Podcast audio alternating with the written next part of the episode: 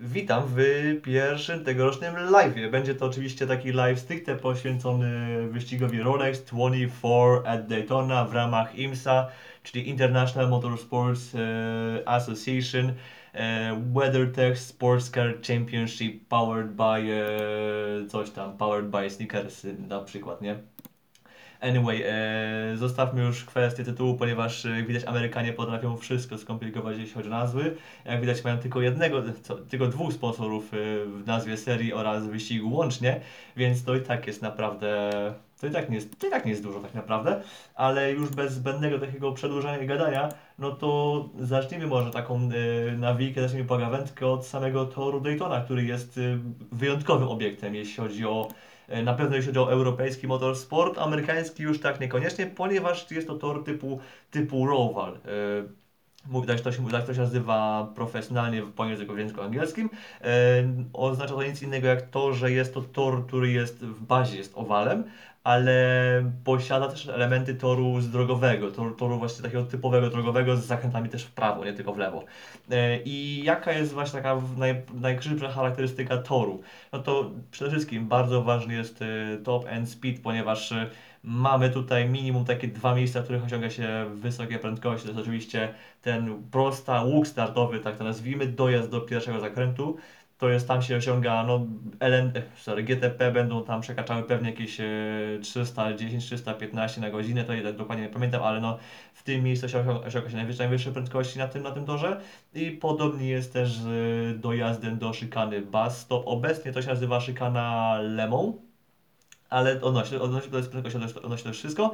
E, jeśli chodzi o nawierzchnię, to nawierzchnia jest e, dość ciekawym tematem, ponieważ mamy zarówno właśnie bardzo gładki asfalt, e, asfalt na owalu, który po prostu musi być e, musi być po prostu gładki, no bo samochody NASCAR inaczej nie byłyby za bardzo w stanie pędzić po tym torze no, z prędkościami typu 320 albo i wyższymi, bo przypominam, że na torze na, w NASCAR e, prędkość maksymalną właściwie ograniczono tylko z wężki oraz ten taki płat imitujący tylne skrzydło, który ma no, bardziej zadanie wywierać opór niż, e, niż dawać docisk e, w zakrętach.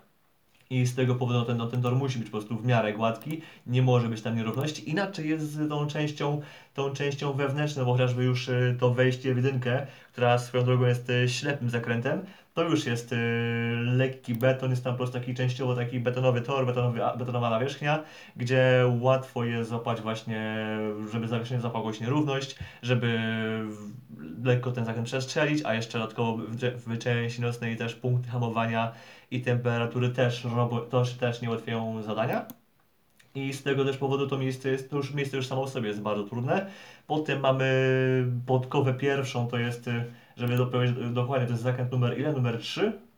Tak, to jest zakręt numer 3 i w tym miejscu też y, jest, to jest dobre miejsce do, do, do wyprzedzenia, ponieważ y, bardzo łatwo można właśnie opóźnić hamowanie i w taki wręcz podręcznikowy sposób wykonać taki e, prawie że klasyczny block pass, E, ale też oczywiście można też się zagubić w trafiku. Potem piątka to jest prawie że ten sam, prawie, prawie taki sam zakręt, a między nimi jest czwórka i czwórka jest bardzo ważnym miejscem, jeśli chodzi o, e, jeśli chodzi o trafik, właśnie pod kątem trafiku. W tym miejscu łatwo jest e, no, stracić trochę czasu, ponieważ e, czwórka, no w czwórce jest prawie że tylko jedna linia przejazdu. Trudno jest e, przejść ją bez odjęcia, e, pokonując jakieś różne sposoby. No to trzeba po prostu wejść na maksymalnie możliwe najszerzej, przejść przez Apex i wyjść maksymalnie najszerzej. Oczywiście wszystkie samochody jadą ten zakręt y, właściwie bez, bez odjęcia gazu, z, nawet z pewnym zapasem.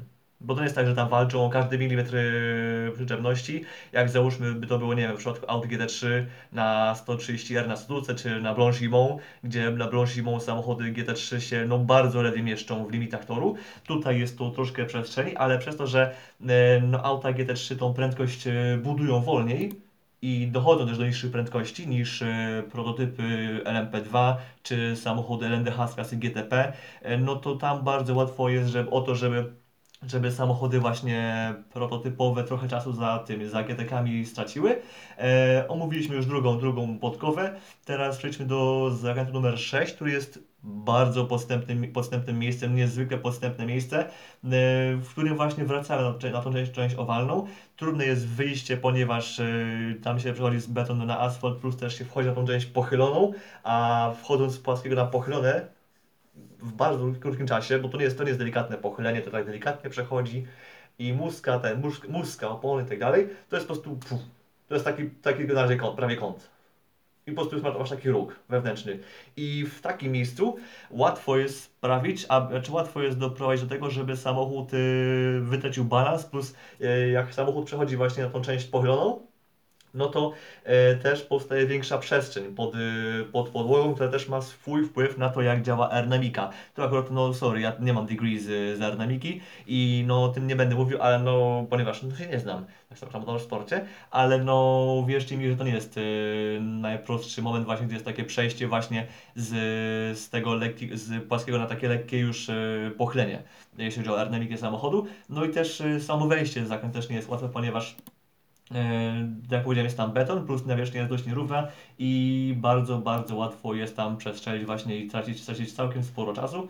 E, żeby nie było, żeby było jeszcze trudniej, to też tam bardzo blisko jest bariera taka z opon, którą też e, no, można wylądować, jeśli się no, aż za bardzo przestrzeli. Potem mamy w teorii jeden zakręt, znaczy sorry, w praktyce jest to jeden zakręt i na owalu byśmy powiedzieli, my, my, my Europejczycy byśmy powiedzieli, że e, tor Daytona w wersji owalowej ma trzy zakręty, ale w NASCAR, w IndyCar, no ogólnie w USA liczą to inaczej, ponieważ y, dla nich y, coś, co na Daytonie oni uważają za, y, coś, co my uważamy za zakręt, znaczy no, za tę pochylnię, która prowadzi nas na tę prostą, my byśmy to, my byśmy to uznali jako jeden zakręt. Natomiast w Ameryce to są dwa zakręty.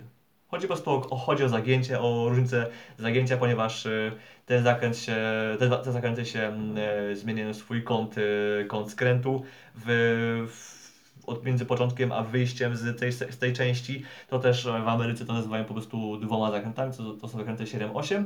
Potem jest y, chwilę taki stretch, taka mi, taka dłuższa, prosta, gdzie też y, samochody osiągają najwyższe możliwe prędkości, jakie mogą. I potem mamy przejście przez szykanę bus stop, to ciekawe, tutaj jest kolei cztery zakręty, nazwano je dwoma zakrętami. To jest... Amerycy, Ameryka, Amerykanie mają też taką pokrętną logikę, chociaż jak spojrzymy na inną mapkę, bo akurat tutaj patrzę na, na mapę toru, e, znaczy na, na, na, mapę pochodzącą bezpośrednio od toru Daytona, bo można też spojrzeć na Wikipediową, wówczas liczba zakrętów jest normalna, jeśli chodzi o bus stop, a z kolei liczba zakrętów na części owalowej jest ta europejska, więc tutaj też są rozbieżności, ale w koniec końców, końców rzecz jest taka, że zakrętów jest 12 to jest e, najważniejsze. W każdym razie mamy szykanę Basto, która od, od, e, teraz, od zeszłego roku nazywa się Lemą i to jest miejsce, w którym dawniej e, były spore problemy, jeśli chodzi o limity toru. Dalej one są, mimo że założyli już takie twarde, betonowe krawężniki, już teraz samochody nie jeżdżą, nie, nie ten no, po prostu toru, przez to tej trawy, przez to tego brudu, pyłu na asfalcie jest mniej, więc też jest to mniejszym zagrożeniem dla splitterów, dla ogólnie opon samochodów ale niemniej jednak y, tam się zawsze będzie dziać sporo. Jeśli chodzi o overtaking spot, to też jest bardzo fajne miejsce. Naprawdę polecam zarówno właśnie y, całą szykarę, jak i właśnie obry podkowy. Myślę, że jedynka też, ale jedynka jest takim bardzo, bardzo trudnym miejscem i no tutaj już trzeba troszkę zaryzykować, bo też y, tam można ją jedynkę można normalnie przejść, plus ona jest częściowo ślepa. Y, myślę, że z toru to jest wszystko. Jeszcze tylko wspomnę słowem, że E, sam wyjazd z pit lane jest taki bardzo specyficzny, troszkę trudny, bo korzysta jako, że pit lane jest taka sama jak w NASCAR, to też wyjazd y, musi odbywać się takiej po wewnętrznej pierwszego zakrętu i wyjazd pit lane oraz tor są oddzielone siebie barierką. Natomiast dawniej były takie problemy, że jeśli samochody wyjeżdżały e, z pit lane i od razu uzyskiwał tą normalną prędkość e, tuż po minięciu pit lane, no to na zimnych oponach to się bardzo źle kończyło i nieraz samochody lądowały, lądowały w barierce. Dlatego też od paru, od paru lat jest taka rzecz, przyjęto taką rzecz właśnie, jeśli chodzi o jeśli chodzi o mm, pit lane, że ten, ten zakręt po, ten, po minięciu prawdziwej pit lane E, Tam cały czas obowiązuje limiter prędkości, to chyba tam 6 dych na godzinę albo 8 dych. E, To nie jest e, najważniejsze, to nie jest kluczowe, bo i tak siedzi po prostu na pit limiterze. I dopiero za zakrętem jest, kończy się limit prędkości. I to też no, pomaga właśnie tym brązom oraz też ogólnie kierowcom, którzy jedą na zimniejszych oponach. Myślę, że z tematu samego toru to jest już na szczęście wszystko, na szczęście. No, bardzo fajny tor, naprawdę polecam. E, Chciałbym kiedyś zobaczyć może no, no, Formułę 1, no, każdy by chciał na, na tym torze zobaczyć F1 naprawdę, bo to byłby, to byłby naprawdę bardzo fajny show, ale już e, skończyliśmy już temat samego toru, więc teraz możemy przejść do klasy GTD Pro oraz y, GTD. Po szybkości myślę, że przedstawię parę załóg, nie będę też y, przedstawiał wszystkich załóg, ponieważ to nie ma sensu.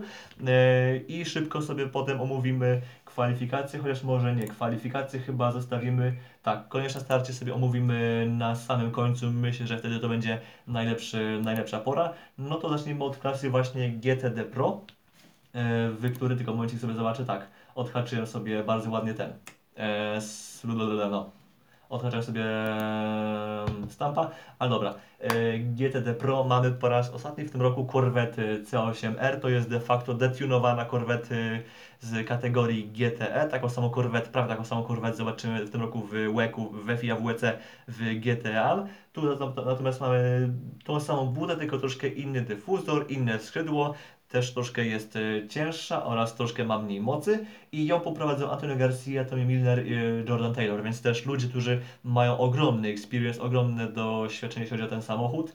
E, Cóż, C8R no z reszty tego, że ściga się w trochę innej rzeczywistości, jeśli chodzi o GTLM oraz też przez to, że ściga się w, z latami GT3, no nie ma do końca takich sukcesów jak no jak y, swoja poprzedniczka, ale niemniej jednak naprawdę to jest bardzo solidny samochód. Ma bardzo dobry środek ciężkości, ale też dzięki temu, że no, nie ma silnika z przodu, jak, mieli, jak mieli poprzednicy, więc to też troszkę, też troszkę to zmienia postać rzeczy. No w każdym razie Garcia, Milner, Taylor bardzo solidna załoga. E, ich rywalem chociażby będzie właśnie FAF Motorsport w Porsche Klaus Bachler, e, Patrick Pille oraz Lorenz Vantor. I jeśli chodzi o Porsche, czy to jest jedyne Porsche w GTD Pro? E, tak, nie, sorry. Jeszcze będzie MDK Motorsport, e, które no, awansowało w ostatniej chwili do klasy GTD Pro i tu zobaczymy e, Trestona Enstepa, e, Jasona Harta, Marka Kwamery oraz e, Jana Magnusena i to jest taka załoga bardziej no jednak e, z klasy normalnej GTD, bo też mam tutaj paru kierowców e, z niższymi licencjami. W każdym razie rzecz jest taka, że jeśli chodzi o Porsche, to tutaj będzie trochę ciężka sytuacja, to nie będzie tak kolorowo jak w Corvette, że będą mogli walczyć o jakieś czołowe pozycje w swojej klasie. Porsche tą rundę, czy na sam na debiut w ogóle tego samochodu, ponieważ ten weekend to nie tylko debiut klasy GTP, ale to też debiut paru nowych aut e, GT3. E, No, Porsche dostało bardzo restrykcyjne BOP. E, Mianowicie samochód jest dość ciężki, jeśli chodzi o moc też e, został mocno wykastrowany i z tego też powodu no, chociażby w kwalifikacjach sobie bardzo kiepsko załoga poradziła, przez co no, trudno jest wróżyć im jakiś, jakikolwiek mocny rezultat, jeśli chodzi o ten wyścig. Ale w każdym razie z, oczywiście zobaczymy, co, co się uda zdziałać, ale no, nie obiecujmy sobie zbyt wiele, jeśli chodzi o właśnie o, o Porsche w ogóle. E, lepiej może sobie poradzić chociażby właśnie Vassel Sullivan Racing, czyli e, fabryczny Lexus, który ma jedno auto w GTD Pro oraz e, w GTD normalnym. I w GTD Pro pojadą w nim Ben Barnicoat, Mike Conway i Jack Hawksworth którego, którego znam chociażby dawniej z Indykarów, no to, to już troszkę już przeszłość. Tutaj bardzo ważna rzecz, Mike Conway oczywiście jest to kierowca fabryczny Toyoty. Czemu nie widzimy go w klasie GTP? Mm, Rzecz jest prozaiczna, ponieważ e, obecnie, znaczy dawniej e, mogli startować e, kierowcy Toyoty właśnie w, w DPI, ponieważ taki Cadillac na przykład no, nie był rywalem dla Toyoty bezpośrednio właśnie w FIA WEC. No a tego roku y, Cadillac będzie właśnie ich rywalem. Będzie mieli zarówno, zarówno Cadillaca właśnie w IMSA Sports jak i też w FIA WEC. I z tego też powodu no już tam Conway, czy Kobayashi, czy kto tam jeszcze, Lopez, nie mogą już jeździć w, w klasie GTP, więc uznano, że skoro chcesz jechać w Daytonie, to po prostu pojedź z nami w Lexusie fabrycznym. I no pojedziesz jako ten trzeci kierowca właśnie na rundę Endurance, bo chyba Conway też się pojawi w takim razie jeszcze na Sebringu. prawdopodobnie, e, na Watkins Glen oraz na Petit Le Mans, ale to też, to też e, będzie pewnie precyzowane w przyszłości. W każdym razie Wasser Sullivan też miał całkiem solidną pozycję w kwalifikacjach i im z kolei może być, e, oni mogą mieć troszkę więcej powodów do zadowolenia. E, jeśli chodzi o faworytów na przykład natomiast, no to właśnie może mówić o właśnie chociażby Wasser Sullivan właśnie Lexusie, czy Heart of Racing Aston Martin, Ross Gunn, David Pittard oraz e, Alex Riveras. Astony, e, podobnie jak Mercedesy, no wręcz śmigają, mają bardzo mocno, bardzo dobrze, dobrze ich IMSA obleżyła, jeśli chodzi o BOP.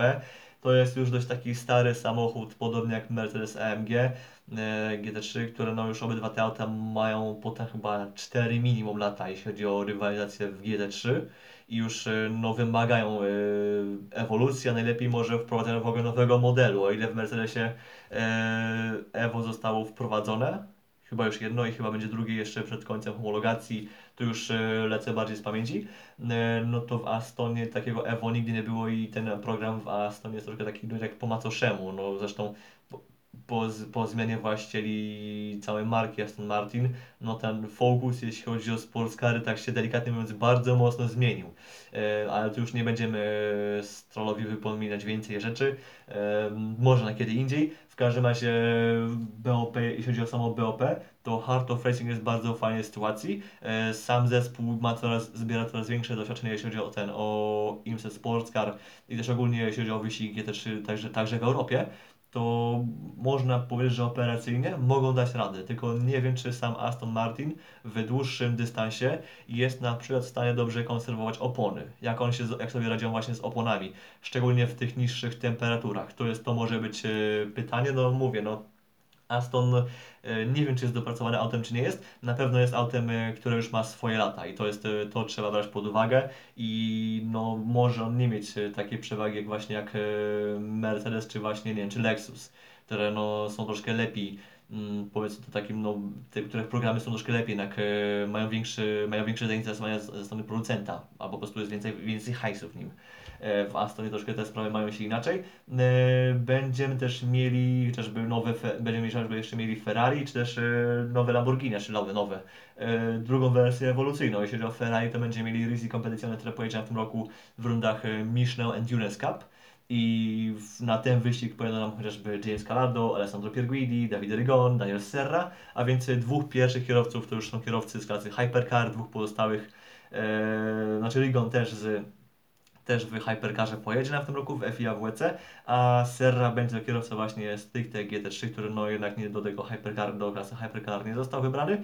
E, szkoda, trudno, tak też e, uznano. No jeśli chodzi o Ferrari, no to naprawdę to jest chyba topowy skład, myślę, że jeden z najmocniejszych w ogóle składów, e, jeśli chodzi o GTD Pro.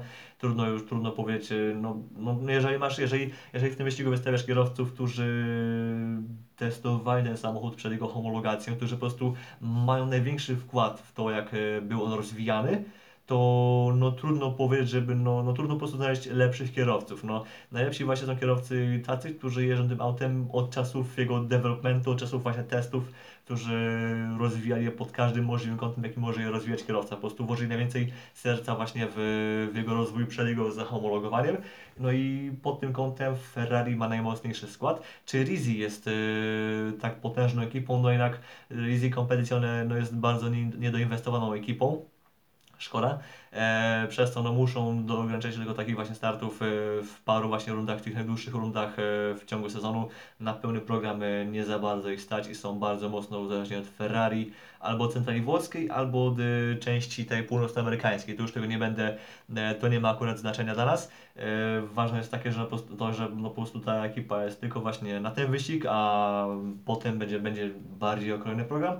I jeszcze mamy Lamborghini i tu też jest bardzo fajna załoga, bo to są Mirko Boltor, Bortolotti, e, Andra Caldarelli, Romain Grosjean oraz e, Jordan Pepper. O ile Bortolottiego oraz e, Caldarelligo w Lamborghini w ogóle nie trzeba przedstawiać. Myślę, że za każdym razem jak, jak mówię o sportscarach oraz o Lamborghini, to mówię o tych dwóch panach jeszcze o Mapellin, to jest ten ich tercet lamborghiniowski.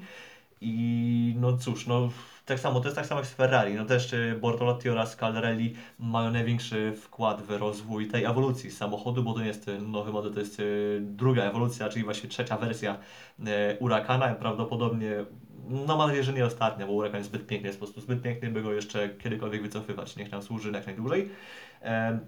No to ta załoga jak najbardziej, no tutaj nie ma w ogóle pytań, nie? to też nie ma, nie ma w ogóle żadnych wątpliwości, no to będzie po prostu, będą po prostu, będzie top, nie?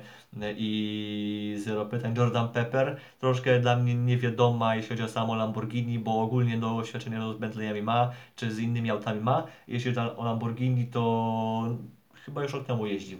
Teraz tego nie będę weryfikował, chyba rok temu jeździł, ale no, e, w każdym razie też obiecujący kierowca. To trzeba powiedzieć. I no już ma doświadczenie właśnie w sportscarach. Jestem tylko ciekaw, co właśnie zrobi Grosjean. Grosjean oczywiście y, nie jest świeżakiem w Endurance, ponieważ już jechał w Le Mans 12-13 lat temu. Jechał też y, jedną chyba rundę FIA GT1, czyli obecne GT World Challenge Europe, powered by coś tam. Y, no ale od tamtej pory nie za bardzo, nie? No, bo, no bo głównie F1, głównie IndyCar. Nie? No, wiadomo, tam, te dwie serie wyżerają sporo czasu i plus też rodzina i tak dalej, więc wiadomo, że no, nie mógł się za bardzo na tym skupić i jestem ciekaw jak to właśnie jego to no, nowe wejście, nowe, nowa historia właśnie w sportscarach, jak ona mu posłuży.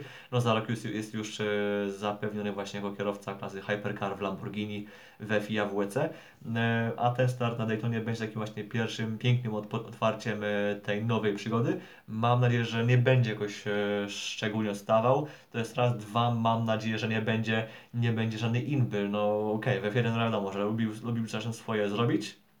Ja też troszkę uważam, że to troszkę tak, e, osobiście uważam, uważam, że to było lekko, lekko nadmuchana ta bańka właśnie tego tak zwanego crash, crashana. E, no ale myślę, że no w Endurance'ach, no jeżeli nie będzie, nie będzie stawał, nie będzie jeździł na poziomie gorszym niż kierowcy z, z licencją złotą, to naprawdę nie będzie się czego wstydzić, no i ja jak najbardziej trzymam kciuki, plus też no hej, fajnie, że będzie w łeku jakieś e, gorące nazwisko, ponieważ tym roku, no, no sorry, nie zanosi się na to, by e, no, byłoby inne nazwisko, które rok temu przyciągało sporo kibiców, chociażby z Polski. No na razie, na razie to wygląda bardzo źle, jeśli wiecie o kim mówię. Wręcz, wręcz to wymaga po prostu płaczu albo śmiania się. No, nie, mo nie mogę tego raczej skomentować, sorry. By the way, wzorek, jeśli by ktoś się pytał, na kubku wzorek jest ukraiński, a nie rosyjski. Um, ale zostawmy już może klasę GTD Pro. Szybkie słówko odnośnie klasy GTD. Mamy też, mamy tutaj całą masę nowych, nowych Ferrarek. A, jeszcze w ogóle Turner Motorsport z GTD Pro to już będzie Bill Arbelian, e, John Edwards, e, Chandler Hully i Bruno Spengler, ale to akurat jeśli chodzi o BMW, to specjalnych nadziei nie ma. Jedyne co im pomoże to trochę większy bak, który dostali w ramach BOP 2, który im powiększono z 97 do 99 litrów. Ale tak to pod kątem samego czystego tempa, no BMW przynajmniej w kwalifikacjach e, nie czarowało, bardziej lekko rozczarowało. No ale zobaczymy co będzie w dłuższym dystansie. Odnośnie klasy GTD Pro to, to też tak po kolei idziemy. I jasne, będzie jedno Ferrari właśnie z Bertolinim, z Roverą, ale tu nie ma, nie ma zbyt wiele do mówienia. Jeśli chodzi o Paul Miller Racing, to nie z załogi to zawsze jest to załoga, którą, którą warto, warto obserwować. Obecnie są na BMW M4 GT3. Rok temu nie mogli jechać, ponieważ ich auto jeszcze nie zostało wówczas e, dostarczone oraz, oraz przygotowane, więc musieli Dayton odpuścić. Ale w tym roku są. W ostatnich latach to był w ogóle, to jest jedna chyba z takich e, najmocniejszych w ogóle ekip, jeśli chodzi o, o osiągnięcia w Daytonie, ponieważ kilkukrotnie ją wygrywali w ciągu ostatnich 8 e, lat. Więc e, na to oczywiście to też było, też trzeba wziąć pod uwagę to, że było z Lamborghini wówczas. E, ale niemniej jednak no, pod kątem operacyjnym sam zespół jest bardzo mocny, jest bardzo dobrze reaguje na ten, na to, co się dzieje na torze. Pod kątem strategicznym też są, mówię, są bardzo solidni i wiedzą, co robią, więc no, nawet jeśli Corey Lewis, Maxim Martin, Brian Sellers oraz Madison Snow E, nie zachwycą za bardzo, chociaż no, odnośnie Madisona Snowa raczej nie mam wątpliwości, on sobie powinien dać radę. Podobnie też jest e, z Brianem Sellersem, no i Maxim Martin, fabryczny kierowca BMW. No to nie no, myślę, że jeżeli tu nic nie odwali, to naprawdę też mają szansę gdzieś tam być w czołówce. Drugi Lexus, e, tak jak powiedziałem, są dwa Lexusy, jeden w GTD Pro, drugi w normalnym GTD. I w tym drugim właśnie GT, normalnym GTD będzie chociażby Kyle Kirkwood, a więc młoda, obiecująca gwiazda z IndyCar e, razem z Frankiem Montecalvo, czy też Parkerem Thompsonem, czy Aaronem Tericem. Mm, trudno mi coś tu powiedzieć o tym składzie, ale no Lexus, jeśli się nie zepsuje, a Lexus no niestety miał w ostatnich latach troszkę tendencję do, do tej awaryjności, niestety, no to jeśli tu się nic nie, nic złego nie wydarzy, to powinni dać radę, ale właśnie no obawiam się bardzo o tą ich niezawodność, to jest ich obecnie, to jest jeden z ich moim zdaniem najpoważniejszych problemów, oby było jednak troszkę weselej, jeśli chodzi o, o tę załogę, szybki, szybki check, coś, czy coś mi czasem się nie popsuło, szybki cyk i zaraz już e, fru, fru, fru, fru, fruniemy dalej. Dobra, możemy wracać, więc e, ok, kolejna załoga. E, Ja bym tu może powiedział o Wright Motorsport. No to też jest jeden z takich e, czołowych amerykańskich w ogóle załóg. Z, z Porsche, no i właśnie, no to fakt, że mają Porsche w tym roku bardzo mocno ich e, podcinać, ponieważ no właśnie to, przez to BOP, jakie dostało Porsche, no, no troszkę jest, no nie, nie jest, nie, nie jest najweselej, no. No Porsche i BMW mają przed sobą bardzo trudny debiut. Ferrari powinno chyba jednak być e, mocniejsze, ale to są tylko, to jest tylko koleś na gridzie, nie? To jest jeden czas okrążenia. E, w sobotę oraz niedzielę czeka ich tak, no, z ile? Z 900 cyrkulacji? Mniej więcej, no. Znaczy, no dobra, i w GTD ich nie akurat, ale e, w GTP będzie ich około 900, ale do GTP za chwilę dojdziemy. Em, i odnośnie, gdyby nie to, że, że, to, że Porsche jest tak mega skapowany, to naprawdę Wrighta bym też obstawiał w czołówce. E, przejdźmy sobie szybko słówkiem do Lamborghini, bo w, GTD Pro mają jedno auto właśnie w postaci Aerolinksa z Bortolottim, Caldarellim, Pepperem oraz Grożanem, zaś w normalnym GTD mają jeszcze Aerolinks oraz Iron Dames. W Aerolinksie normalnym będzie Rafael Gianmaria, Rolf Insien, e, Frank Pereira oraz Claudio Scavoni. E, Dla Insiena oraz Schiavoniego to jest w ogóle nowe auto i no cóż, e, nie mają za bardzo z nim styczności, ale też Lamborghini też to, jest ich debiut właśnie ich e, drugiej ewolucji, więc no, e, nikt nie wie czego się można spodziewać. E, Jestem ciekaw właśnie jak Schiavoni sobie poradzi chociażby. To jest e, bardzo taki mocny trzon tej załogi. E, No i też ogólnie debiut właśnie Lamborghini taki stricte z, znaczy Aerolinksa stricte z Lamborghini. To też będzie ciekawy, ciekawa sytuacja do obserwacji. E, Bardzo też taka solidna ekipa operacyjna, wprawdzie z Europy, więc no ta ich, te ich doświadczenia z Ameryką są takie mniejsze, bo chyba tam raz już, raz już jechali właśnie w Daytonie parę lat temu, na to był pojedynczy start. A teraz wracają z taką poważniejszą operacją, która ma być e, też częściowo taką, no takim dograniem się przed właśnie programem w Hypercarach, w GTP za rok, e, w Michelin Endurance Cup. E, Cóż, no właśnie nie patrzymy może za bardzo na wynik, patrzymy może to, jak będą pracowali na właśnie na torze, jak będą reagować na awarie, na jakieś wypadki, na jakieś różne sytuacje, które się będą działy w wyścigu, czy to w ich aucie, czy poza ich autem. Oczywiście jako, że mam Iron Dames, o którym powiedziałem wcześniej, no to Sarah Bowyer, Hellfry, Michelle Gatting oraz e, Dorian Pau, ale e, to nie są jedyne kobiety w stawce, ponieważ jeszcze w innej załodze e, w GTD nam jedzie Katrin Leck chociażby, więc tych kobiet jest w stawce więcej i bardzo fajnie, że mamy wreszcie taką poważną załogę damską.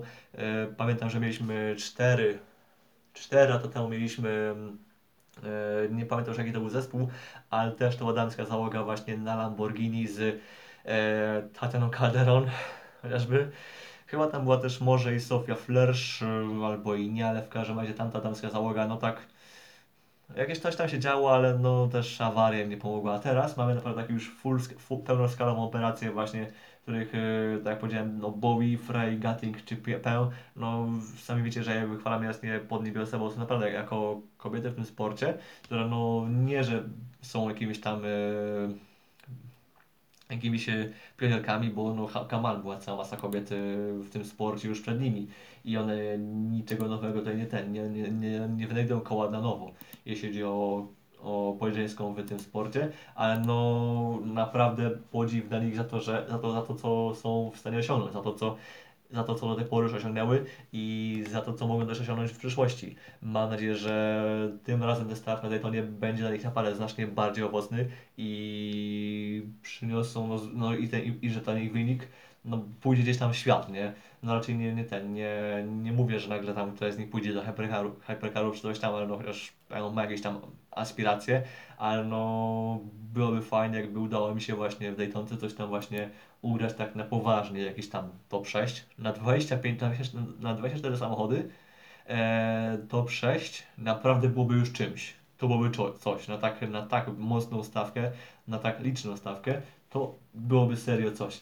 E, czy kogoś tu jeszcze możemy z GTD wspomnieć? No na pewno trzeba wspomnieć o Sun Energy One oraz o Winwardach, z, czyli właśnie autach Mercedesa. E, na pewno to będą chyba jedna z uwagi najmocniejszych załóg w, na przestrzeni tych dwóch klas. Jeżeli tylko brązowi kierowcy nie będą dawali za bardzo się we znaki e, ścianą, barierką oraz innym samochodom, to naprawdę Mercedesy mogą być bardzo potężne.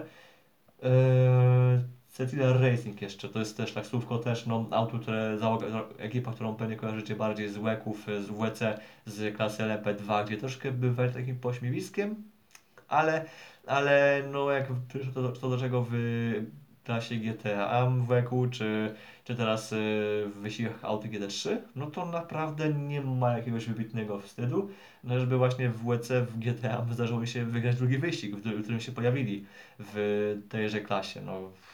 Więc y, to nie jest, to nie jest ekipa taka z przypadku, no to, że Dalara LMP2, znaczy Dalara, no P217 dokładniej, z LMP2, no była jaka była i ona pasowała tylko do tego toru Daytona, co pokazuje historia Cadillaca na tym torze, yy, Cadillaca z czasów DPI, no to to jest, to jest, to jest też inna rzecz, ale to e, możliwe, że z Ferrari ma jakąś szansę na, ten, na taki dalszy rozwój, ale też to nam pokaże wyścig. Ja myślę, że klasę, klasę GT Pro, GT możemy wreszcie zamknąć na szybkości teraz do, do, do, do, do.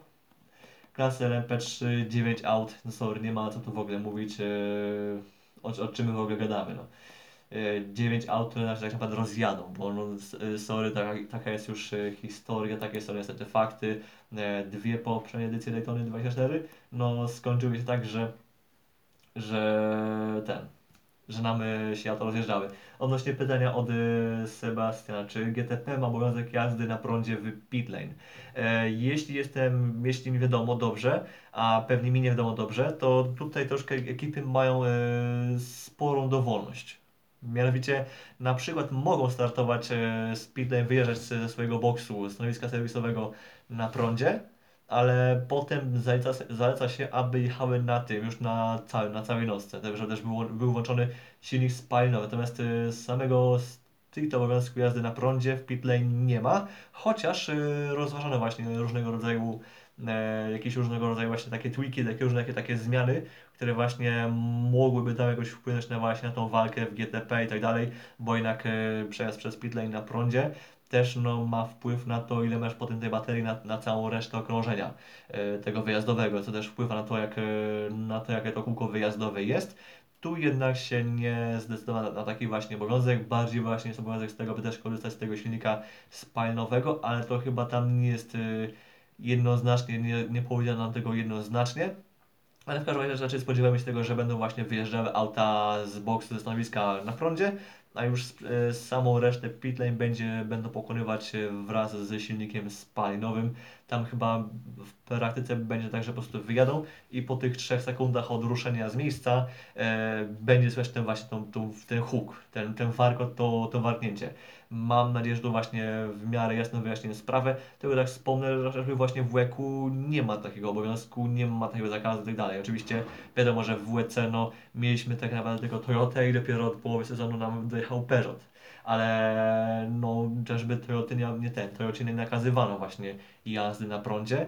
E, nawet gdyby i, I, nawet to nie, nie, nie miało to nic wspólnego z tym, że mamy Alpin, które było na spalinówce. To nawet e, nie o to chodziło, bo w teorii można było takie coś nakazać, że auta hybrydowe musiałyby jechać na prądzie, ale takiego obowiązku nie było. Był tylko taki pomysł e, w drafcie przepisów, które miały kiedyś tam wejść w roku 2018, e, ale to była, były inna, była inna wersja aut, była inna wersja klasy LMP, która już tam zdechła i wtedy właśnie był pomysł, żeby właśnie w pitlane jeździć na prądzie. Drugie twoje też pytanie, kto dostarcza hybrydę, bo rozumiem, że jest y, wszystkich jest, jest, taka sama.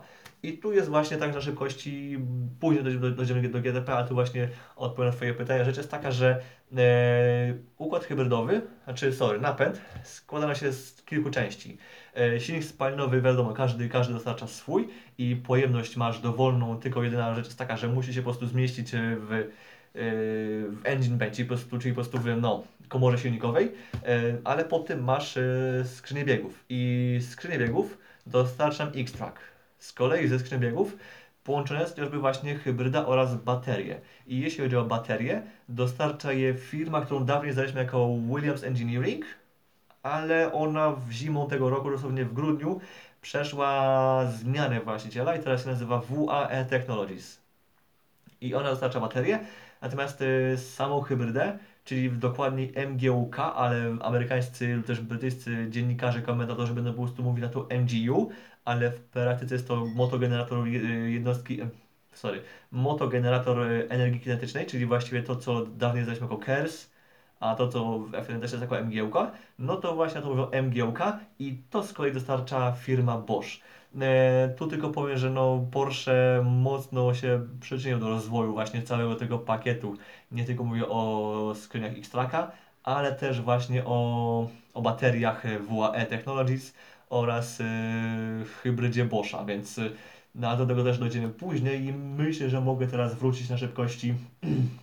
O Jezu, się lekko zaciął ten laptop, ale anyway, myślę, że mogę teraz do klasy LMP3 wrócić, chociażby jednym z zgłoszeń jest yy, JDC Miller Motorsports i tutaj część z Was może mieć zagwozdkę, ponieważ rzecz jest taka, że ta załoga nie będzie nam jeździła całego sezonu w LMP3, ponieważ ich głównym, e, głównym celem jest GTP. Czemu są w takim razie w LMP3? Ponieważ problem w Porsche był taki, że nie zdążyli przygotować żadnych egzemplarza ich samochodu e, klasy RMDH, więc też e, samą Daytonę i prawdopodobnie też Zebring jadą właśnie w klasie LMP3. No dopiero tam od e, Long Beach, może nawet dopiero od Mid Ohio, więc już no tak już czwarta runda sezonu na 11 w tym roku. E, dopiero wtedy mniej więcej zobaczymy ich e, w normalnej klasie. Co tu mogę e, tak w ogóle godnego uwagi wspomnieć, bo sorry, no klasa LP3 w tej serii no, no nie powinno po prostu być, no niestety, no. Nie chcę być po prostu niemiły, ale no tak, tak, tak, tak po prostu jest. E, chociażby jeśli znacie ekipę Inter Europol Competition, no to pewnie znacie Nico Pino czy Guilherme Oliveira. E, Nico Pino jedzie w Sean Creech Motorsport z numerem 33 e, to jest faworyt właściwie, właściwie do zwycięstwa w tej klasie. Guilherme Oliveira, gdzie on, gdzie on, gdzie on jest, e, bo go na momencik zgubiłem. W każdym razie, a, nie, nie, nie, nie, nie, chyba go nie mam, o, mam. Guilherme Oliveira jedzie w MRS GT Racing. Obydwa te auta są, w, są na podwoziach Ligiera. Jedyne co warto jest obserwacji tego to najwyżej to, jak bardzo dikiny będą dostawać w plecy od y, liżerów, czyli jak bardzo po prostu będą obrywać od nich, bo liżery no, okazują się być po prostu bezlitośnie mocną historią. E, Pino kojarzy mi się z Euroformułą Open. E, o Jezu, F Open już dawno nie śledziłem, nawet nie wiem czy ona w ogóle jeszcze istnieje, ale no chyba jest możliwe, że on tam startował. Ja, te, tego ci nie powiem, bo EF Open osobiście, no niestety, no nie porywa mnie ta seria. Wiem, że Herta tam się stamtąd się wyrwał i jeździ w Indykarach. Wiem, że paru kierowców e, z EF Open nam wyszło na ludzi. Chociażby Alex Palou, jeszcze rok 2015 i walka z, z Arturem Janoszem w w, w, w, w, w, o mistrzostwo chociażby właśnie w MP Motorsportsem, czy jak to się nazywało, ale to jest seria, która naprawdę, oj, to ona, ona jest chyba najdalej z całych e, single sterów. I jeszcze, co tu jeszcze mogę, mogę LMP3 wspomnieć, finałowa rzecz, mianowicie mamy taki zespół jak Andretti Autosport. I tak to jest zespół tego Andrettiego, tak to jest e, zespół Michaela Andrettiego, tylko tu wyjaśnię rzecz taką, że to nie jest ta sama operacja co Wayne Taylor Racing, ponieważ e, e Andretti Autosport w LMP3 jest to jest to właściwie ich operacja, jest to ich w pełni własny zespół. Natomiast y, Wayne Taylor Racing w GTP, znaczy to jest Wayne Taylor Racing with Andretti, to tam Michael Andretti oraz Andretti Autosport y, w tym roku po prostu dają szmal. Że nie zajmują się operacją, nie wystawiają załogi, nie dostarczają swoich mechaników, inżynierów, swojego know-how, jeśli chodzi o wystawianie akury tylko po prostu dają pieniądze na naklejkę, dają po prostu taki sponsoring. Wszelki rozwój tej operacji, tej relacji nastąpi w przyszłym roku. Możliwe jest drugie auto właśnie dla, ten, dla całej tej operacji. Możliwe jest to, że będzie Andretti miał jedno auto w Imsie wraz z, Taylorem, albo drugie będzie miał w Eku. Chociaż e, to będzie już zależało od centrali w Hondzie, e, czyli w Japonii, bo o ile sam program w GTP oraz w LNDH zależy bardziej od Akury i podlegającej im HPD, czyli Honda Performance Development, która jest niezależna od Japonii, tak program w WEC będzie już zależał właśnie od japońskiej e, centrali. Do tego też może za chwilę wrócimy potem. Um, odnośnie z kolei LMP2, no to tu jest zostały po prostu wysyp, nie?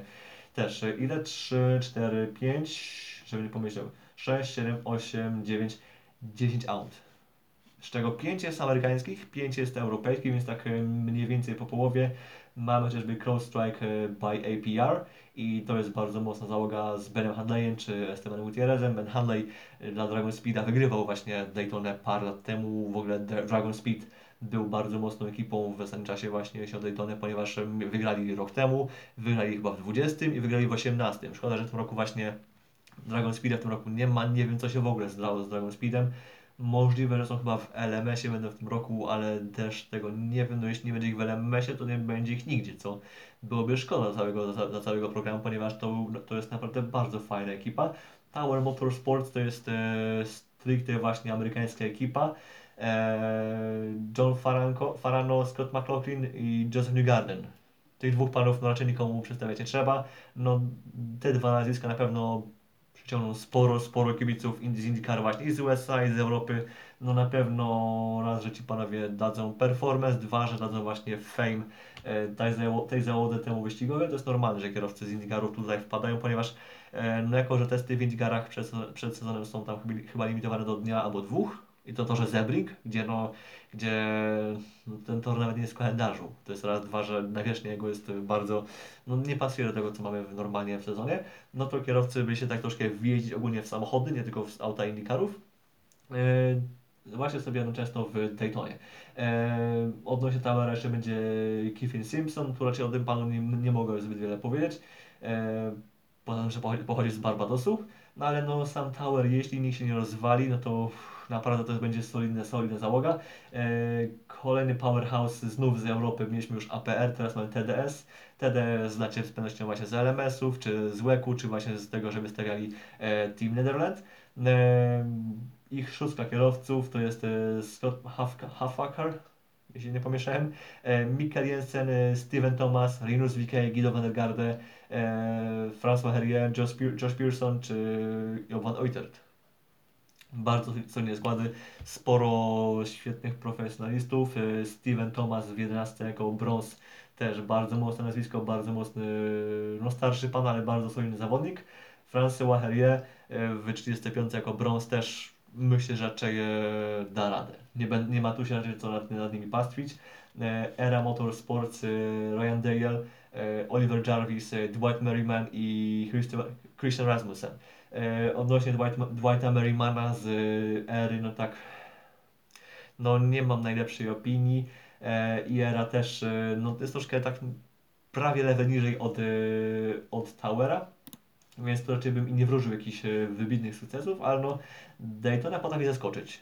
Naprawdę są takie rzeczy w Daytonie, których na pewno nie słyszałem, ponieważ Daytona sam śledzę od mniej więcej 9 lat, to będzie moja, to będzie moja chyba dziesiąta Daytona.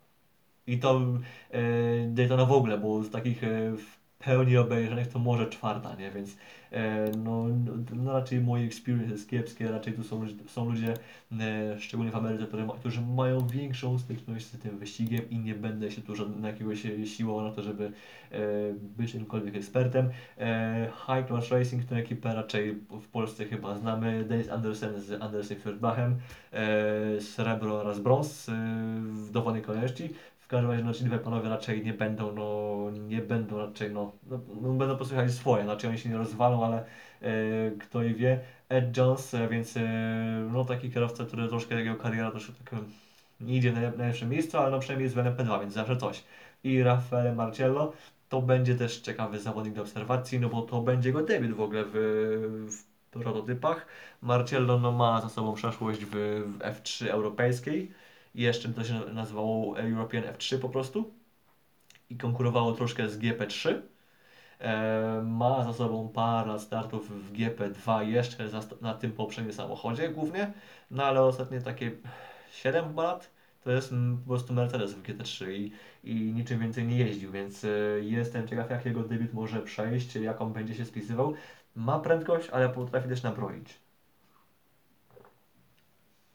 Nie wybaczymy mu tego, co sobie z McLarenem Joty e, na Brands Hatch dwa lata temu. Anyway, e, Rick Well Racing, jak widzę tę, tę, tę ekipę, to zawsze nigdy nie wiem czego się spodziewać, ale w tym roku naprawdę bardzo fajny skład. Austin Cindric, Davide Francesco, Pietro Fittipaldi jako trzej kierowcy profesjonalni oraz Eric Lux e, jako ten brąz. Eric Lux, e, no, zawsze tu będę przytaczał, historię z Adrianem Zutilem. Jeśli nie pamiętacie historii, w której Adrian Zutil dostał zawiasy za bójkę w Szanghaju po wyścigu Grand Prix Chin 2011, no to Eric Lux to jest właśnie ten pan, który był dawniej współwłaścicielem Lotusa, tego Lotusa, którym jeździł Kubica, E, Raikkonen oraz e, Grosjean oraz e, D'Ambrosio, ale nie jechał na przykład nim Dawid Walsaki, który ma to żal do tej pory. No to właśnie Eric Lux, Eric Lux jest tym panem, który dostał od Zutila tulipanem, tak to nazwijmy. Jako brąz całkiem solidny, ma bardzo bogatą karierę, bo chyba nawet w swojej klasie wygrywał parę razy 24 e, Hours of Dubai, oczywiście w aucie GT3 lub też tam jeszcze niższym, ale no to nie jest taki brąz z przypadku, on ma naprawdę konkretną karierę, ma tam jakieś swoje osiągnięcia, no i przede wszystkim ma doświadczenie, więc znaczy to nie jest y, kierowca, który by się rozwalał. No i hej, właśnie rok temu chociażby właśnie z Hanleyem wygrali w Dragon Speedzie Daytona y, z dwoma kierowcami z IndyCaru, nie pamiętam z kim ale to był bardzo głośny tu chyba, chyba z Hertą i z De Francesco, wiesz, właśnie. E, a to jest przeszłość, to jest już przeszłość. I no, Pietro Fittipaldi, no serio, UR w tym roku będzie bardzo solidnym składem. To jest, y, ja typuję właśnie UR jako jednego z walczących o zwycięstwo obok Towera i jednego z TDS-ów, na, tak na razie. Um, Pierre One Mathias Motorsports, no tu raczej Paul Chateau, Ben Keating, Nicola Lapierre, Alex Quinn, no, trzech pierwszych panów nie trzeba nikomu przedstawiać, w szczególności Kittinga, który jest chyba no, topowym brązem na całym świecie. No, to jest, e, nie ma chyba lepszego brąza, szkoda, że po tym roku jego kariera chyba prawdopodobnie dobiegnie końca. Cóż, bywa i tak. Um, w każdym razie, no, jako amerykańska ekipa, mogą temu właśnie Ware'owi zagrozić. No, czy na razie Ware, e, Tower i Pier One i Mercedesów. To, jest, y, to są moi, no, to są moi tacy kandydaci ten do podium, do zwycięstwa. Który z nich, który z nich wygra? No, czyli prawie połowa stawki może, może wygrać, druga połowa może nie wygrać. Bardzo, bardzo głębokie przemyślenia. Um, Proton Competition no to jest ich, to są, to jest świeża ekipa, jeśli chodzi o w ogóle prototypy, plus plus też kierowcy typu Bruni, który jest e, świeży właśnie w LP2, to jest chyba dopiero drugi start w ogóle w Proto, albo pierwszy, nie, chyba drugi. Ale pierwszy był tam dawno, dawno temu, ponad dekadę temu, więc no, prawie jakby pierwszy. E, James Allen jako młody kierowca obiecujący Gold, e, bardzo fajnie, no nie podpala się raczej, więc nie powinien się zawinąć na bandzie. Inaczej będzie z Fredem Purdanem, dosłownie Fred biedny ojciec, Robert Kiyosaki, coś tam, coś tam. Eee, życzę jak najlepiej, ale no z Fredem Purdadem nigdy nie wiesz, co się, co się wydarzy. Nie jest najgorszym brązem, ale no jak, jeśli mu coś się ma jeśli coś się ma wydarzyć komuś, to najczęściej dzieje się to jemu. E, cóż, tak bywa. E, IAF Corse, Julian Kana, Niklas Nielsen, e, François Perrodo, tak, ten Perrodo i Mathieu Vaxivier. E, jeśli chodzi o europejski skład, to on będzie walczył na pewno, to będzie drugi najmocniejszy skład z Europy. To jest, to jest mój take, to jest mój take, to mi się wydaje, że jeśli chodzi o pośród załóg europejskich z Europy, to przegrają najwyżej z jednym z TDS-ów. Mogą w ogóle cały wyścig wygrać, wygrać nawet, to jest też najciekawsze. No Nielsen ma już ten rok experience z LMP2 w LMS-ie oraz w WC. E, Kanal, no to jest wieloletni kierowca Pani Racing w LMS-ie. E, Mathieu Vaxivier ogólnie w, w prototypach lata od dawna, bo jeździł, chociażby jeździł Alpilionem w zeszłym roku, a Alpilion to właściwie jest tak naprawdę Oreca 07 tylko troszkę z innym pakietem aero i z mocniejszą odmianą silnika Gibson. W sensie z mocniejszą konfiguracją i z troszkę większą pojemnością. E, no i François Perrodo, cóż no, no to by to jego błąd, no, no cóż, no raz mu się zdarzyło, ale naprawdę on nie jest najgorszy jako ten, jako brąz. Fakt, lepiej sobie radził w GT3, znaczy sorry, w GTA, ponieważ chyba teraz został mistrzem w WC, teraz to nie pamiętam, nie będę tego zweryfikował, ale w każdym razie Jako kierowca GT3 François Perrodo jest solidny, bo jest mocny jak na brąza. W LMP2 no ten rok na razie był taki no... No, no czego mam oczekiwać od brąza, no nie bądź, bądźmy też, bądźmy łagodni, jak to, jak to mówi wiadomo kto. I myślę, że klasę LMP2 wreszcie skończyliśmy. E, przejdźmy sobie teraz do klasy GTP, GTP, no to teraz e, tak, myślę, że pójdziemy sobie producentami. Trzy auta wystawi nam Cadillac i jedynka będzie, jedynka, dwójka będą od y, Cadillac Racing, ale to jest tak naprawdę Chip Ganassi Racing, tylko po prostu właśnie pod brandem Cadillaca.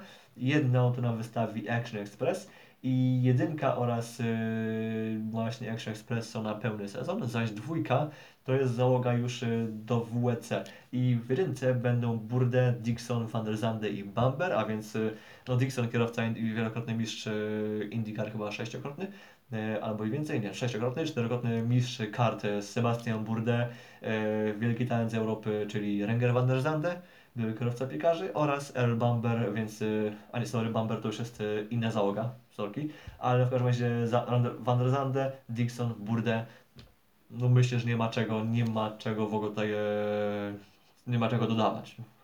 That's it. Earl Bamber, Alex Lynn i Richard Westbrook. Fajnie, że Westbrook wyrwał się z tego Gegenhausa, bo by na troszkę już zgnił po tym Fordzie gdyby po wyjściu z Fordem miałby już resztę kariery przekiblować w Wickenhausie, trochę byłoby mi go szkoda. Na szczęście coś mu tam się udało i będzie w Cadillacu, więc no bardzo fajnie. Jeszcze będzie jeździł właśnie cały, cały sezon w WEC, więc już w ogóle supi. Bamber, no też, no mówię, to jest, to jest po prostu topowy skład, nie? To jest y, chyba lepiej nie można było wybrać, no właśnie Bamber, zobaczymy czy mu się opłaci to wyjście z Porsche, no bo właśnie wyszedł z Porsche po to, by właśnie być w Cadillacu. Um, co to można do nich dodawać? No, mówię, nie ma nic więcej, nie ma nic więcej do dodania. Jeśli chodzi o Action Express, czyli ekipę sponsorowaną przez Wheel Engineering, znaczy pod brandem Wheel Engineering, ale to jest tak naprawdę Action Express, no to Jack Aitken, Pipo Derani i Alex Sims. E, Sims e, ma już doświadczenie w korwecie, właśnie głównie Sims jednak jeździł właśnie w Formuła E te, dwa, te parę lat oraz auta GT3 oraz GTE.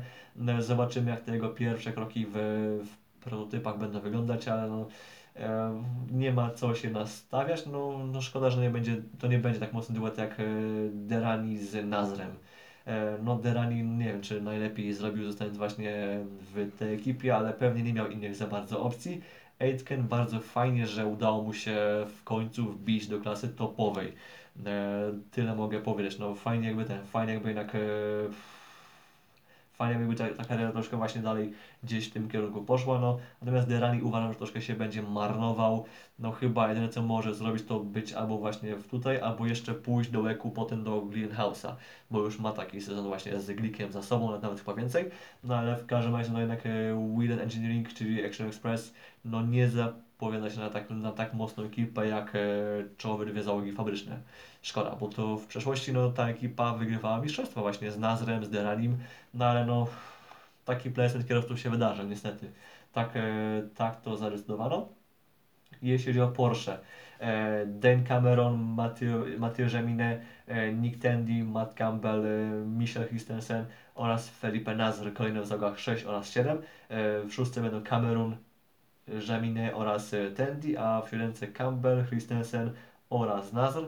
Jestem ciekaw właśnie, no, która z tych załóg może być mocniejsza, bo obydwie są potężne i są solidne, no naprawdę, no też, no kierowcy stopowego, stopu właśnie topu tego, co miał Porsche w ogóle do dyspozycji, nawet jeszcze e, czy kogoś tu jeszcze w ogóle ściągali, no chociażby Nazra ściągali właśnie z, no, z Cadillaca, znaczy no, z, no, z Action Express, ale no e, nieformalnie był kierowcą fabryki właśnie Cadillaca, był kierowcą GM-u a udało mi się im się go zrobić do Porsche, do Penske.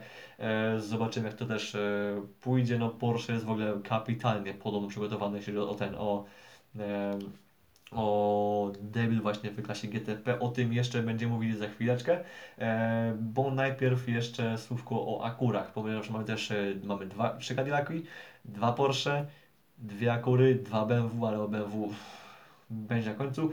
Tymczasem właśnie dwie Akury. Felipe Albuquerque, Louis Detrans, y, Brandon Hartley oraz y, Ricky Taylor w dziesiątce właśnie w Wayne Taylor Racing with Andretti Autosport, czyli Andretti, który po prostu tutaj daje tylko znaczek, a całość robi tylko właśnie Wayne Taylor Racing. A druga załoga to z kolei będzie Mayer Shank Racing i tutaj powiem Tom, Tom Blomqvist, Colin Brown, Enio Castroneves oraz y, Simon Parzano. Myślę, że składowo są, bo obydwie załogi są bardzo sobie równe. Różnie troszkę może know-how, operacja. Uważam, że jeśli chodzi o taką strategię, to jednak Wayne Taylor Racing ma trochę więcej tego sprytu, tego kunsztu wyścigowego. Tego czegoś, y, co po prostu czasem odróżnia właśnie ich od y, pozostałych ekip. Natomiast właśnie Mayor Shank Racing dzięki temu, że też to jest załoga, która od lat jeździ w IndyCara. Ma już te parę doświadczenia właśnie w IndyCarach E, plus też e, są już, mają już e, swoje doświadczenia właśnie jeśli chodzi o GTD normalne z Acura NSX, no to mają już to całą taką, takie, takie bardzo szerokie spektrum doświadczenia właśnie jeśli chodzi o motorsport w Ameryce i mają dzięki temu też właśnie konkretny know-how, ale no jednak pod kątem strategii czasem ustępują Wayne Taylor Racing. Która z nich będzie lepsza, to się okaże. No, na pewno na pewno pomoże im to, że no, obydwa zespoły mogą się skupiać na jednym aucie. Dzięki czemu na przykład w odróżnieniu od Penske czy od Cadillaca nie ma czegoś takiego, że zasoby dwóch zespołów trzeba jakoś dzielić. Nie? Oczywiście wiadomo, zespoły sobie z tym radzą, ale jeśli masz jedno auto, to jednak tą korzyścią jest to, że ok, no jeśli rozwalisz auto, to no odpadasz z wyścigu, nie? Ale, ale póki wszystko idzie dobrze, to możesz się skupiać wyłącznie na załodze. Nie musisz patrzeć na to, co robi, co robi Twoje drugie auto, gdzie ono jest, czego potrzebuje, gdzie traci. Nie musisz się tym martwić. Nie musisz też się martwić Team Orders, chociaż y, warto też mieć drugie auto po to, by Ci pomogło właśnie w Team Orders, żeby też Ci pomogło właśnie w trafiku. Ale no póki właśnie wszystko idzie w miarę ok, to jedno auto naprawdę pozwala się skupić na, na tym, na prostu na wyścigu bez jakichś e, string zadaczy, bez jakichś takich, bez jakichś takich e, innych rzeczy, które mogłyby Cię po prostu wytrącić. E, no i cóż, BMW, no. Co ja mogę powiedzieć, no BMW to jest, o Jezu, czego tu musimy mówić? A powiedzmy, dobra, no. Filip Eng, Augusto Farfus, Colton Herta, który będzie w dwóch autach, Marco Wittmann i właśnie, Conor Filippi, Sheldon van Linde, Nicky oraz właśnie znów Colton Herta. Herta będzie jechał w obydwu załogach. E, jeśli chodzi o ich skład, no to tutaj parę nazwisk, mm, parę nazwisk, no chciałem powiedzieć, że z, że z Audi, ale tak nie jest, no bo kierowcy z Audi będą dopiero za rok jeździli w BMW, w Hypercarach, w, w ekipie WRT. Natomiast jeśli chodzi o BMW, to no tu możemy już przejść do tematu tego, kto jak, e, kto na ile jest e, dobrze przygotowany. I rzecz jest taka, że BMW, BMW wygląda troszkę kiepsko przygotowane. O ile no Porsche, wiadomo, że Porsche już testował właściwie rok temu. Porsche rok temu zaczęło, już miało za sobą pierwsze w ogóle testy, e, wprawdzie bez hybrydy, ale no miało jakieś testy. E, Cadillac zaczął testy mniej więcej na początku lipca, natomiast Acura i BMW zaczęły dopiero pod koniec lipca swoje testy. I BMW jest właśnie podobno w jednej z najgorszych e, sytuacji. Tu nie chodzi tylko właśnie o brak, o, tą, o ten krótki czas, jeśli chodzi o czas między testami a homologacją samochodu. Chodzi o ogólnie jakieś e, o to, jak działa dynamika, o to, jak właśnie funkcjonuje samochód. E, niezawodność to jest inna rzecz. Podobno nie jest aż tak poważny problem, każdym razie no, wydaje się na ten moment, że Porsche jest tym autem najlepiej dopracowanym, jeśli też się przyjrzy, jeśli też się posłucha tego, co mówi Marshall Pruett y, z Racer.com na tym, e, w swoich nagraniach, jeśli chodzi o każdy z tych samochodów, to można odnieść wrażenie, że właśnie, że Porsche jest e, świetnie przygotowany, że jest, mają wszystko wytestowane, mają wszystkie scenariusze sprawdzone, no mają też, no wszyscy się, wszyscy mówią, że mają za ten test na torze Zebring, e, który trwał, trwał 36 godzin, a więc pojechali trzykrotność tego, co pojechali, co, jedzie, co jedzie normalnie w Zebring w trakcie wyścigu. E, z drugiej strony no, mieli problemy chociażby z zawieszeniem, bo tam coś się umywało podczas e, testów w grudniu, no, ale możliwe, że już po prostu doprowadzali te elementy do maksimum właśnie wytrzymałości, więc kto wie. I mają na koncie blisko tam 33 tysiące kilometrów testowych, to jest po prostu jakaś ilość z kosmosu, dla porównania w Le Mans jedzie się około 5000 km e, w ciągu całego wyścigu, więc mają za sobą prawie że 6 dystansów e, wyścigów Le Mans. To jest jakiś absurd, bo to zrobili w zaledwie rok. gdzie mieli też robili całą masę krótszych, dłuższych testów, robili testy 24-godzinne, 36-godzinne, wszystko po prostu to auto jest po prostu już, e, jest już po prostu wyjeżdżone i pewnie parę podwozi testowych na tym na to musieli poświęcić, nie? Więc e, Porsche serio się pcha, angażuje mocno w, w tą kategorię. Cadillac oraz e, Acura też są, no, akurat e, mocną stroną Cadillaca jest to, że raz, że mają bardzo pięk, mają pięknie brzmiący silnik oraz to, że to auto jest podobno bardzo właśnie proste, jeśli chodzi o swoją koncepcję i jeśli o ułożenie tyłu, o to co jest, e, co się znajduje właśnie z tyłu wokół silnika, wokół hybrydy oraz jeśli chodzi o to, jak, jak jest, e, jak bardzo zaawansowana jest ich aerodynamika, no tu głównie mówię o dyfuzorze, ponieważ ten w BMW i w Porsche i właśnie w Cadillacu. Wydaje się być bardzo prosty, najbardziej skomplikowana pod tym kątem jest Acura, która no z jednej strony ma dzięki temu dość dobry performance, ma dość dobrze, e, prawdopodobnie, ma, ma dobrze działający tył, który dobrze trzyma właśnie jeśli chodzi o docisk, no ale w razie jakiejś awarii, wypadku, no ten tył będzie gorzej działał, to jest wiecie, no to jest po prostu do pierwszej kolizji, do pierwszego wjechania im w plecy. To jest, y, będzie im działać świetnie. Jeśli chodzi o to upakowanie tyłu, to właśnie Akura ma być taką najbardziej ekstremalną koncepcją. W dużym skrócie, też nie będę się tutaj rozwijał e, na ten temat, właśnie bardziej mówił właśnie Marshall Pruitt właśnie z racer.com i tam bym was bardziej do, do tych nagrań bym, bym was bardziej odesłał.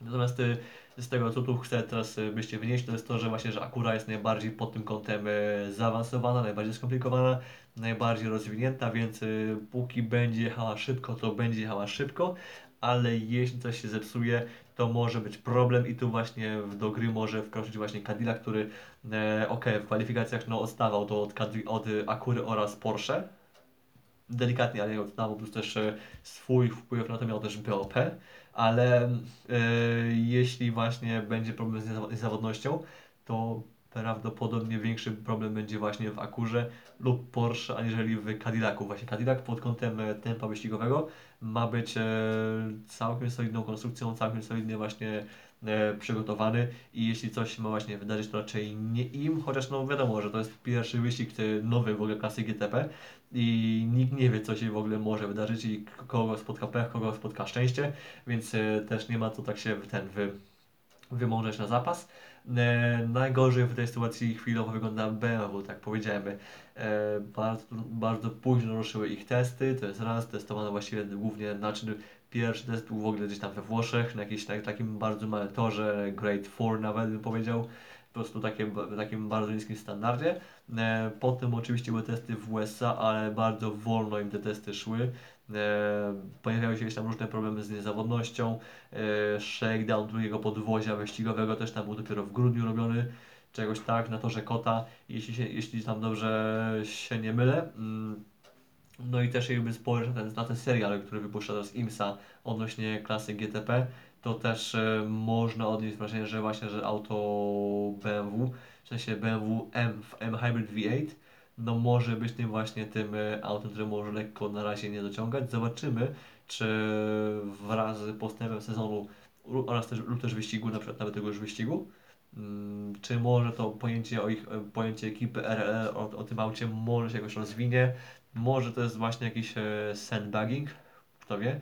W każdym razie no na razie BMW wygląda to, że nie jest, e, że jest tym najmniejszym faworytem, jeśli chodzi właśnie o, o walkę o wygraną, że Cadillac, Porsche oraz Acura, wszystkie trzy, te, wszystkie trzy te marki mają sporo argumentów w ręku, natomiast BMW no tak, no tak nie za bardzo, więc em, myślę, że w temacie samej klasy GTP to może być wszystko. Czy coś tu bym jeszcze może dodał? Możliwe, że tak jeszcze takie szybko, szybkie, szybciuteńkie słówko odnośnie, odnośnie kolejności na starcie, czy ja się czasem gdzieś tutaj nie zagubiłem. Em, cyk, cyk, cyk, cyk, cyk. I okej, y, gdzie, gdzie ja jestem, cyk. I no dobra. I szybko tak będzie skaczemy teraz do kolejności startowej i myślę, że to będziemy już e, kończyli temat. Oczywiście przypomnę, że e, LNDH a GTP to są dwa troszkę inne skróty, mianowicie klasa LND, znaczy samochody LNDH to są samochody, które są po prostu budowane w oparciu o podwozie LMP2 oraz e, standardowy MGUK, standardową, standardową baterię oraz standardową skrzynię biegów. i wokół nich po prostu buduje się aerodynamikę, wkłada się swój silnik oraz się rozwija zawieszenie. I takie auto potem startuje w klasie GTP, natomiast w klasie GTP startują właśnie auta LMDH oraz LMH, więc y, klasa GTP to jest po prostu klasa w ramach której jeżdżą samochody LMDH oraz LMH. I analogicznie w FIA WEC właśnie w Mistrzostwach Świata mamy klasę Hypercar i to w ramach niej teraz jeżdżą LMH oraz LMDH, więc y, LMDH y, i LMH to są po prostu przepisy techniczne aut, w ramach których możesz, można zbudować samochód, zaś GTP oraz Hypercar to są po prostu klasy odnośnie już e, stricte nazwy właśnie samych mistrzostw. E, mistrzostw Ameryki w IMSA właśnie w GTP, a w mistrzostwach świata to jest właśnie już klasa Hypercar właśnie w FIA w WEC. E, I dobra, na sam koniec myślę, że możemy już szybko mówić o samej kolejności na starcie. Z pole position w tym roku nam wystartuje właśnie Meyer Shank Acura. Na trzecim miejscu będzie bliźniacze auto ekipy Wayne Taylor Racing, a więc Acura ma, ma pierwsze, trzecie miejsce. Drugie miejsce to jest Porsche numer 7 ekipy właśnie Porsche Penske, a więc Porsche i Acura jest najmocniejsza, jeśli chodzi o to, o to, gdzie będą na starcie, a wiadomo, że w wyścigu się może wydarzyć właściwie wszystko. Potem czwarte, piąte miejsce, szóste miejsce to są trzy Cadillaki z rzędu, więc cała ta koalicja Cadillaców która może swoje namieszać, szczególnie, że mają właśnie trzy auta, więc mogą grać e, w troszkę inny sposób e, niż Porsche, niż, e, niż Akury chociażby. Więc zobaczymy, co tu, się, co tu, co, jakie tutaj techniki będą grane. Potem jest, to potem są dwa BMW, 7-8 miejsce. Natomiast mm, ostatnie na starcie, jeśli chodzi właśnie o GTP i w ogóle na starcie wyścigu, będzie Porsche z numerem 6. Nick Tandy miał niestety wypadek właśnie w kwalifikacjach do swojego, dla swojej klasy i no cóż, z tego też powodu mm, jego auto w ogóle wykluczono z sesji. Taka jest, takie są reguły właśnie w IMSA Sportscar, że kto powoduje czerwoną flagę, ten po prostu startuje z końca, z końca stawki. Znaczy no po prostu jego czas się skreśla. I cóż, to jest klasa GTP. Potem mam pole position na klasę LMP2 tu jest najszybszy był marketing w, w PR1. Potem duet TDS-a oraz AF Corse i APR, więc e, cztery auta z Europy. Na pole position auto z Ameryki, natomiast potem są cztery auta z Europy. Potem jest e, Record Racing z Ameryki, później jest e, High Class Racing i już potem mam auto LMP3. Natomiast jeśli chodzi o LMP2 jeszcze, to jeszcze będziemy tu chyba LMP2 jeszcze gdzieś tam na końcu. Tak, y, Tower Motorsport oraz y, Proton Competition, mianowicie tutaj y, no też miały problemy i te auta w ogóle ruszą też z samego właściwie końca stawki, tuż przed autem Porsche Penske. I też te auta miały swoje problemy, swoje wypadki i tak dalej. No ale w każdym razie najlepsza sytuacja na tym starcie właśnie będzie PR1 oraz dwójka TDS-ów. TDS dzięki temu, że ma dwa auta w, ogóle w stawce, jako w LP2, jako jedyny właśnie jedyna, jedyna ekipa z tej, z tej klasy. Yy, mają bardzo w ogóle ten, mają bardzo ciekawą, ciekawą sytuację.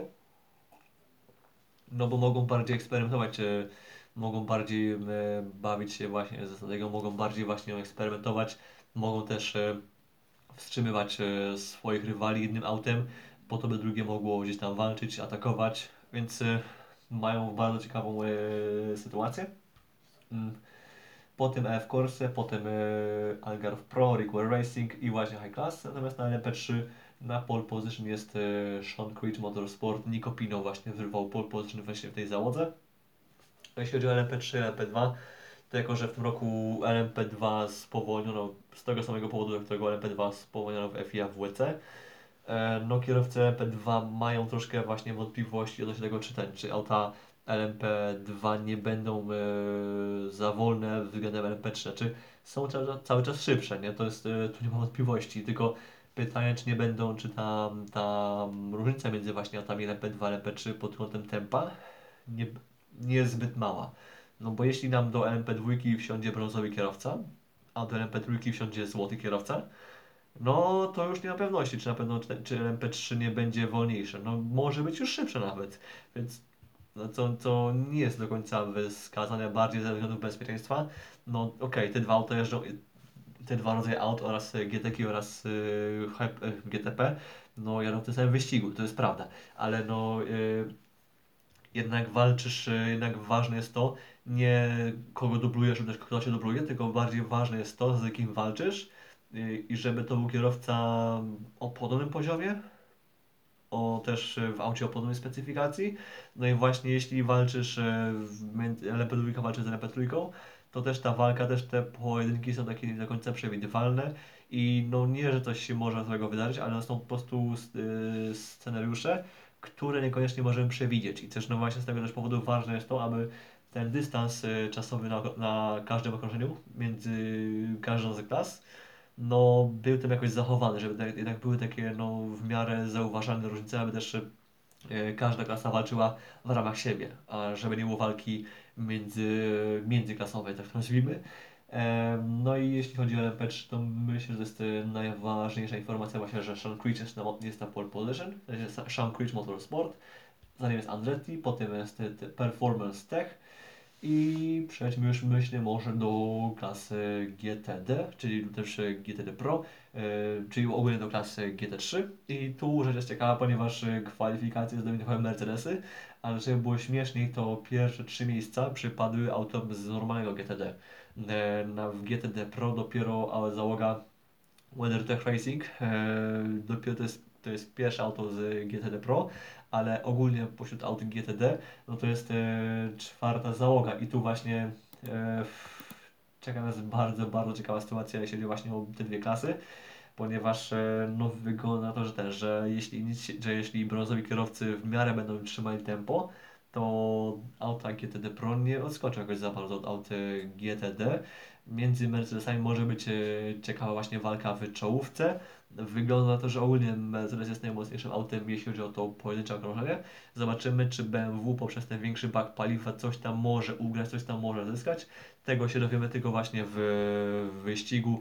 Akury oraz La- Lamborghini, Lexusy oraz Akury mogą być e, całkiem solidnymi autami, mimo że już e, swoje na karku mają, mimo że Akura no już jest już po, akurat po update'cie to jednak no, Akurę oraz Lexusa można coś tam wierzyć, coś tam można ufać, coś tam można na nich obstawiać, ale no to wiadomo, że to jest na właśnie zawsze na własne ryzyko się obstawia. Mm. Czy coś jeszcze można dodać? Mm, E, bardzo fajny news wyszedł e, dzisiaj, dosłownie wieczorem, tuż przed e, 8, tuż po 17, że mianowicie będzie polski komentarz na Viaplay. To jest e, rzecz, którą właśnie może, może Was zainteresować, jeśli chodzi o śledzenie. Ja prawdopodobnie zrobię właśnie relację taką live tekstową prawie z całego wyścigu, myślę, a to się jeszcze okaże. Odnośnie takich ważniejszych reguł, co warto myślę, że wiedzieć, to jest to, że neutralizacje właśnie w IMSA Sports Car Championship są takie bardzo specyficzne, ponieważ mm, nie ma jak w F1, że po prostu jest, e, zbiera się stawka, można pitować kiedy się chce i potem jest tylko green flag, i jazda. Mianowicie jest taka sytuacja, że jak e, jest safety car, no to pit lane się zamyka. I najpierw e, trzeba zabrać stawkę, żeby wszyscy się zabra- zabrali się w jedną kolejkę i najpierw zjeżdżają auta z klas prototypowych, czyli GTP, LP2, LP3. Kółko później zjeżdżają auta GTD Pro oraz GTD. I dzięki już temu auta prototypowe są przed GTK-ami, potem już po tych dwóch kółkach pit-stopów. Następnie potem, jak już się kończy neutralizacja, następuje takie coś jak porządkowanie klas. Czyli jeżeli jesteś e, zdublowany przez lidera swojej klasy, to możesz to kółko odzyskać, jedno kółko. Tylko musisz to zrobić samodzielnie, musisz, e, zespół musi sam ogarnąć, czy może to zrobić, czy nie może. Bo też no, sędziowie mają troszkę roboty właśnie podczas neutralizacji i też tych aut jest tyle, że też nie, ma, nie mają czasu, by patrzeć kto może, kto nie może. Inaczej by ten, y, ta przerwa by trwałaby jeszcze dłużej, więc łatwiej im po prostu jest y, zrzucić tę, tę y, odpowiedzialność na ten, na szefów zespołów. I, i narzucić im to, aby też by to właśnie oni e, pilnowali tego, czy ich kierowca może się oddublować, czy nie może się oddublować. Znaczy, czy po prostu jest zdublowany, czy nie jest i po prostu kiedy może, kiedy może to zrobić, a czy kiedy. Czy można to zrobić lub też nie, bo sygnał, że już można to robić, jest dawany, tylko po prostu musisz sam, sami to musicie ogarnąć, że czy, czy możesz, czy, czy, czy wam wolno, czy nie wolno. Jeśli wam nie wolno, a to zrobicie, to macie no przerypany, macie, macie opór karę. E, po tych oddublowaniach następuje takie mm, ułożenie klasy, taki class split, czyli najpierw, e, czyli stawka się układa najpierw na auta GTP, za nimi się potem ustawiają auta LMP2, potem LMP3 i potem GTD Pro i GTD. I gdy już mamy właśnie tych pięć grupek e, od siebie oddzielonych, następuje wznowienie wyścigu, więc e, no to jest trochę, taka, trochę taka bardziej skomplikowana procedura, plus też no safety cary, też pace cary u nich po prostu trwają no nieraz mm, no potrafią z pół godziny trwać, ale no dzięki temu mamy bardziej zbitą stawkę i też e, w sytuacji, w której jesteś zdublowany, ale masz jakieś tempo, no to możesz to kółko odzyskać, jesteś w lepszej pozycji. No i też mamy dzięki temu zawsze zbitą stawkę, bo mamy zawsze auta każdej klasy w jednej grupie na, na restarcie, więc e, nie ma takiego przemieszania jak w Le Mans. Oczywiście ma to swoje uroki w Le Mans, no a też fajnym urokiem właśnie to jest to, że po tych już 20 paru minutach e, przerwy auta każdej klasy są koło siebie, więc jakaś walka zawsze jest, więc yy, nawet jak masz jakąś przewagę kółka nad kimś, no to to kółko przewagi możesz stracić. Więc e, myślę, że tym pozytywnym akcentem chyba będziemy już, e, no już będziemy chyba kończyć. Bo to już myślę, że więcej tematów do omówienia już nie ma.